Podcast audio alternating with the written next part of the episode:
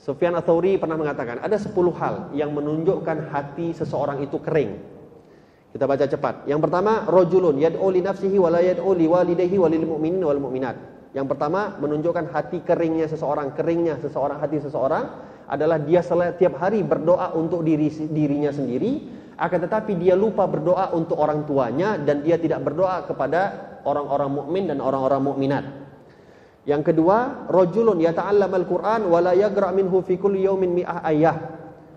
Tanda daripada keringnya hati seseorang adalah seseorang yang sudah bisa membaca Al-Quran, akan tetapi dia tidak pernah menghabiskan waktunya dalam satu hari minimal membaca 100 ayat daripada ayat suci Al-Quran. Yang ketiga, rojulun dakhalal masjid wa kharaja wa lam yusalli raka'atain. Tanda keringnya hati seseorang itu adalah seseorang laki-laki atau perempuan masuk ke dalam masjid, keluar dari masjid dua rakaat pun tidak sholat. Masuk masjid cuma tengok cantik kali masjidnya. Masuk masjid Gubah Mas misalnya yang di Depok. Datang ke masjid ini banyak terjadi. Datang ke masjid cukup foto-foto, dapat foto di belakang kanan kiri ada emas, udah keluar wala sholat dua rakaat. Wala sholat dua rakaat, cuman cuman untuk foto-foto saja. Masih mending lah kalau masuk kubah mas. Ini takutnya pula masuk masjid Nabawi, nggak ada kepikiran untuk sholat. Cuman foto selfie, ah, sudah sampai masjid Nabawi keluar lagi. La haula wala quwata illa billahil. Yang keempat, rajulun yamurru 'alal magabir wa lam yusalli 'ala ahliha wa lam yad'u. Seseorang yang lewat daripada kuburan per, perkuburan tanah kuburan muslimin akan tetapi dia tidak mengucapkan salam kepada mereka dan juga tidak mendoakan orang-orang yang wafat di kuburan tersebut. Ini tanda daripada kekeringan hati seseorang. Yang kelima rajulun dakhalal madinah fi yaumil jum'ah thumma kharaj wa lam yusallil jum'ah. Seseorang yang masuk di hari masuk dalam satu kota di hari Jumat dan dia keluar daripada kota tersebut dan dia tidak sholat Jumat walaupun dalam keadaan musa musafir.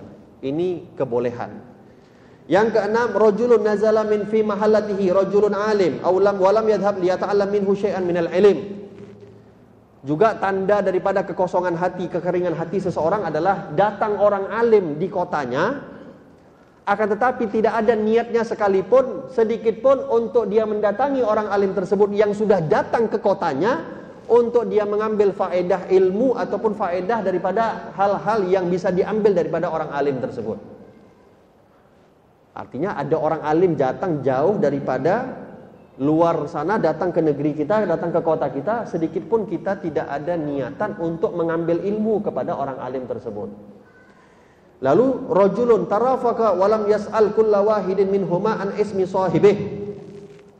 Juga daripada tanda kekeringan hati adalah dua orang muslim atau dua orang laki-laki yang saling berjumpa akan tetapi tidak pernah mau tanya siapa namanya orang-orang yang dijumpainya.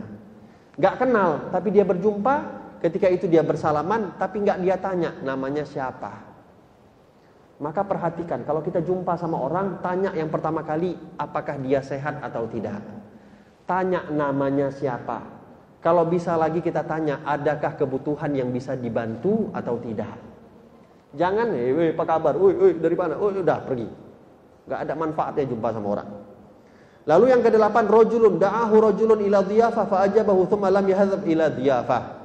Juga tanda kekeringan hati, kekosongan hati adalah seseorang diundang ke rumahnya lalu dia memenuhi undangan daripada orang yang mengundangnya akan tetapi dia tidak datang kepada undangan tersebut.